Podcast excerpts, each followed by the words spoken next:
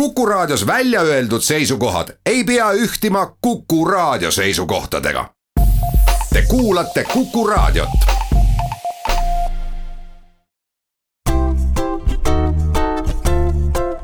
patsiendiminutid, Patsiendiminutid toob teieni Eesti Patsientide Liit. tere, hea Kuku kuulaja mina olen Kadri Tammepuu ja me räägime täna tervisest ja sellestki, kuidas haigusi ära hoida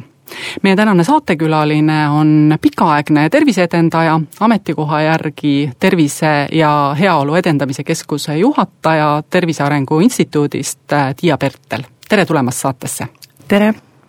nädalapäevad tagasi avaldas Statistikaamet eelmise aasta kohta inimeste eluiga ja tervist puudutavad prognoosid ja see on selline iga-aastane protseduur. kokkuvõte sellel uuringul kõlas umbes nii, et inimesed elavad küll üha pikemalt, aga üha haigemana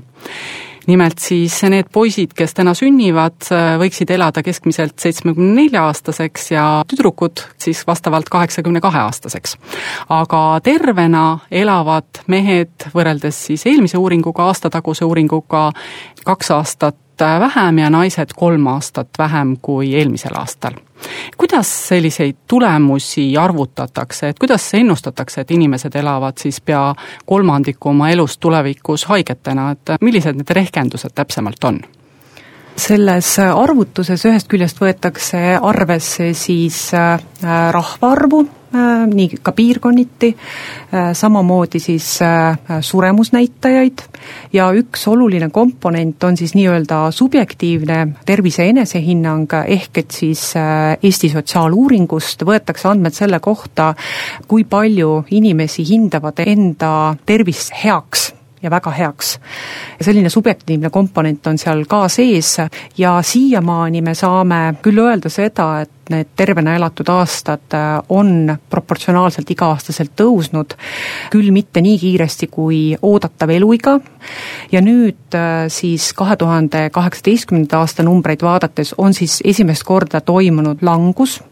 järgmine aasta on see, mil uuesti saab vaadata, et kas äh, see langus on ikkagi nagu jätkuv või hakkab uuesti tõusma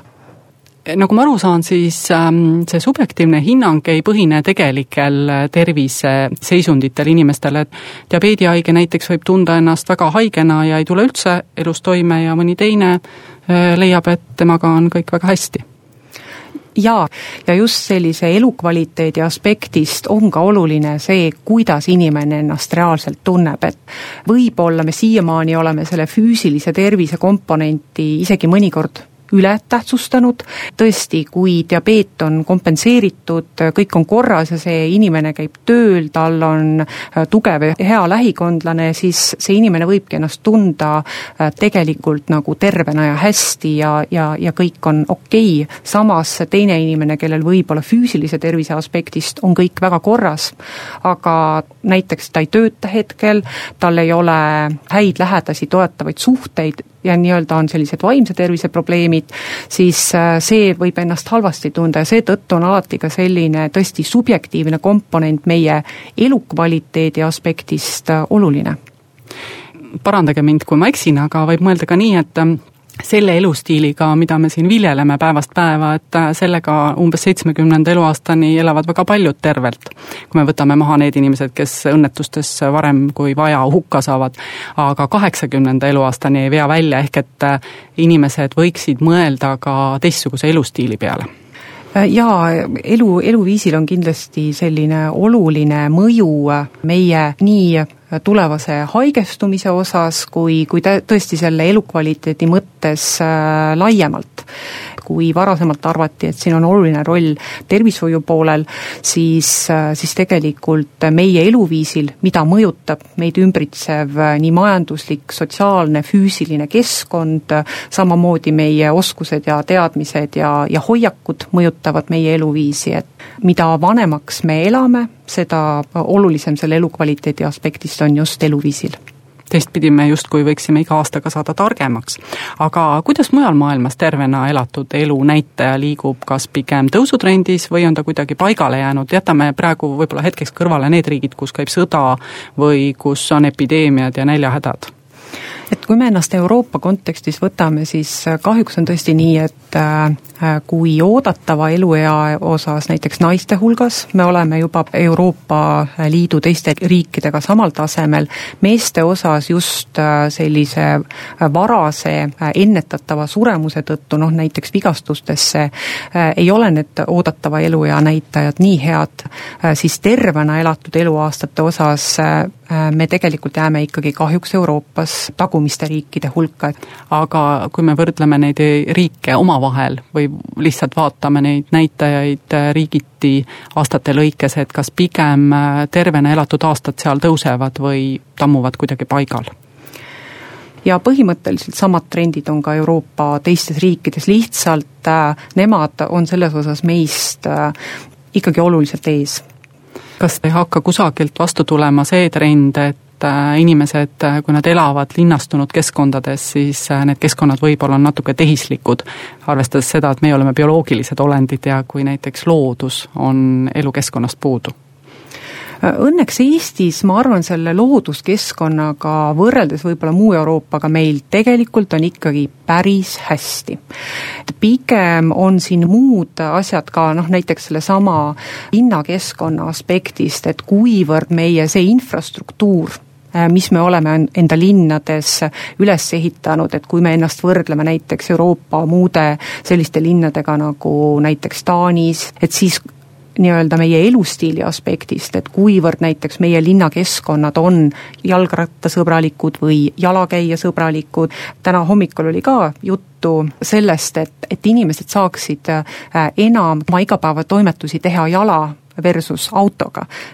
kui me võtame väiksemad kohad, tegelikult äh, isegi kergliiklusteed on olemas, aga inimesed on mõnikord ka natuke lihtsalt mugavad. jaa, see on ka seesama asi, et kas need kergliiklusteed äh, viivad alati töökohta ja muidugi ka muu logistika, et pereinimestel kindlasti on ka see, et me näeme, et Eestis päris palju inimesi sõidavad autoga sellepärast, et nad transpordivad oma lapsi näiteks ühest kohast teise, et võib-olla vanem isegi läheks äh, rattaga tööle, aga ta ei saa seda sellepärast teha, et ta peab lapse viima kooli ja teise lapse viima lasteaeda. et maapiirkondade mure kindlasti on ka see, et kuidas ühistransport oleks niimoodi korraldatud, et kõik pereliikmed saaksid ise aktiivselt äh, lasteaeda, kooli äh, ja ka näiteks trenni trenni või vaba aja äh, veetmise kohta liikuda. vanasti oli näiteks nii, et Kivimäelt sõitis iga kümne minuti tagant rong linna, nüüd enam nii ei ole jah, see on näide sellest, et tegelikult kui me midagi oma transpordisüsteemis muutume, siis kuidas see inimeste valikuvõimalusi võib nagu muuta. hästi, aga teeme meie siinkohal väikese pausi, peatselt oleme tagasi ja jätkame juttu juba tervise ennetamise projektidest. Patsiendiminutid patsiendiminutid toob teieni Eesti Patsientide Liit. stuudios on Tiia Pertel Tervise Arengu Instituudist ja Kadri Tammepuu me räägime täna haiguste ennetamisest ja tervise hoidmisest. ja jäime seal kohal pooleli, kus rääkisime keskkonnamõjust tervisele. kui me vaatame, mis veel meie ümber muutunud on, siis on see tõenduspõhine meditsiin, mis areneb äh, suurte sammudega ja ühelt poolt äh, toodab tervist, aga teiselt poolt toodab ka pikemalt elavaid inimesi, kes ise enam hakkama ei saa hiljuti just oli siin äh, näide, kus ühte vastsündinud lihashaiget last äh, proovitakse ravida, kuid kui me hakkasime uurima näiteks ravimikomisjonis, et mis on see kaugtulemus, siis kaugtulemus viie aasta pärast võib-olla on kolmkümmend sekundit iseistumine. teistpidi jällegi teadust ei saa muidu teha, kui ei katseta. kui palju nüüd mujal maailmas sellest räägitakse, et kusagil on ka meditsiinis kasutu ravi, mida võib-olla vaja ei ole? Jah, siin on keerulised sellised eetilised küsimused, et kust ja kuidas me otsuseid langetame äh, ravi pakkudes või ravi tehes, aga ma võib-olla sellistes väga keerulistest juhtumitest, mis siiski on üksikjuhtumid, äh, liiguks rohkem ka sinnapoole, et äh, kui me pakume heal tasemel sellist aktiivravi, siis hästi oluline on sinna kõrvale ka pakkuda väga head taastusravi kui me toome välja näiteks selle teema, et kuhu meie inimesed üsna palju oma tervist kaotavad, on just sellised lihasluukonna haigused, siis on kindlasti oluline, igapäevane liikumine, aga ka tervist toetav võimlemine või ka sellised taastusraviteenused oleks inimestele rohkem kättesaadavad, nad rohkem neid kasutaks, arstid rohkem nendele suunaksid tänane seis on muidugi päris kurb, sellepärast et kui me vaatame taastusravi eelarvet Haigekassas, on aastaid enam-vähem samas augus ja kui muud teenused ja nende mahud kasvavad, siis taastusravi maht kahjuks mitte. mida inimene ise saaks ära teha, räägime näiteks siin riskikäitumise trendidest, et no kui meie olime noored, siis äh, oli meie põhiline probleem ikkagi viina joomine ja suitsu tegemine nurga taga, et nüüd äh, noored äh, proovivad teisi mõnuaineid kas võib öelda, et alati on populatsioonis äh, teatud hulk noori, kes katsetavad sellisel moel piire? Äh, piiride katsetamine on kindlasti inimese arengu ja organismi arenguga kaasas käiv äh, loomulik protsess ja osa, küll on see, et tõesti jah, et mis tüüpi riskikäitumist ja kas see peab olema selline riskikäitumine, mis inimese tervist nii tõsiselt äh, ohtu seab, et ühest küljest me küll näeme õnneks meie noorte puhul seda trendi, et järjest enam on neid noori, kes äh, lükkavad edasi alkoholi esmast proovimist, ehk et meie viieteistaastaste hulgas on järjest enam neid, kes ei ole alkoholi proovinud, täpselt sama asi on tubakaga, aga muidugi me näeme ka seda, et noored äh, sellised uued trendid võtavad väga kiiresti omaks. näiteks üheteistaastastest, kes üldse on tubakat proovinud, on juba proportsionaalselt palju rohkem neid, kes on seda teinud äh, nii-öelda e-sigaretiga. et oluline on trende nagu kogu aeg uurida. mis nüüd puudutab sellist tervist ohutavat riskikäitumist, siis on maailmas tõhusamalt toimivaid äh, sekkumisi ja, ja ennetusprogramme. üks näide äh, just uimastitega katsetamise osas, äh, nii tubakas, alkohol kui, kui narkootikumid on siis nii-öelda Islandi näide, kus just ühest küljest see, et noorte vaba aja veetmine on väga hästi planeeritud, seda nii äh, kooli ajal kui ka tegelikult näiteks koolivaheaegsetel aegadel, seal just ka rõhk sellele, et et äh, ka treenerid ja õpetajad, kes õpilastega igapäevaselt kokku puutuvad, et ka nende sellised väärtushinnangud ja hoiakud just ka uimastitega seotud käitumise osas on väga selgelt äh, paigas ja nad on saanud vastavad ennetusteemalised pikaajalised koolitused äh, ja pere kvaliteetaeg, lapsevanemate oskused ja, ja lastevanemate koostöö laste siis nagu riskikäitumise vähendamiseks toimub nii kogukonna kui haridusasutuste asutuste tasemel. selles mõttes on kindlasti Eestis ka, et kui me räägime, et me juba üksikuna erinevaid asju teeme, siis sellise süsteemse ja järjepideva töö osas äh, ja tõenduspõhiste programmide kasutamise osas ka ennetustöös äh, on meil, mida teistelt riikidelt õppida ma mäletan ka seda Islandi näidet, et see on nüüd juba vist viisteist aastat vana peaaegu ja seal on väga head tulemused tõepoolest ja enamik riike, kes on püüdnud hakata seda kopeerima, siis lõpuks on jäänud see ikkagi raha taha. et pole piisavalt vahendeid antud äh, ja teine pool, seal räägiti ka siiski sellest, et äh, vanemad võiksid mõelda just nimelt ka kvantiteetajale, et ei piisa ainult sellest, kui kord nädalas lapsega minna ja teha midagi ägedat, vaid tegelikult laps vajab äh, oma vanemat ikkagi iga päev päris mitu tundi mis te arvate, kas Eestis äh, võiks ka midagi taolist teha, sest see oli ka ühiskondlik kokkulepe, et kus äh, erinevad äh, valdkondade täiskasvanud siis otsustasidki, et lapsed on meile niivõrd oluline prioriteet, et kuidas Eestis võiks edasi minna sellega, et meil oleks neid noori, kes jäävad kuidagi omapäi, neid oleks vähem? Kui siiamaani on väga palju ennetuses räägitud sellest, et me peame tegelema inimeste teadlikkusega, äh, on oluline teadlikkus, aga oluline on ka see, et me koos äh, kujundame sellist sotsiaalset normi, et mi-, mis, mis on need käitumised, mida näiteks lapsevanematena, kui me oleme ühe, ühe klassi lapse vanemad, mis on meie ühised sellised kokkulepped, jah, see on midagi, kus me peame tegema koostööd kas on veel mingeid häid näiteid, teil just hiljuti üks kolleeg kirjutas, et ähm, terviselahendused, mis mujal riikides töötavad, et äh, need ei jõua meil Eestis praktikasse. äkki te oskate tuua mõne hea näite veel? Et mis me ka veel näeme, on see, et kui Eestis isegi järjest enam katsetatakse erinevaid ennetusprogramme, siis kui nad tõesti on olnud tulemuslikud, et me neid siis ka laiapõhiselt rakendame. Eestis võib öelda, et tõenduspõhistest programmidest on meil olemas näiteks vanemlusprogramm Imelised aastad, Äh, samamoodi VEPA käitumisoskuste mäng, äh, samamoodi siis kiusamisvastane programm Kiva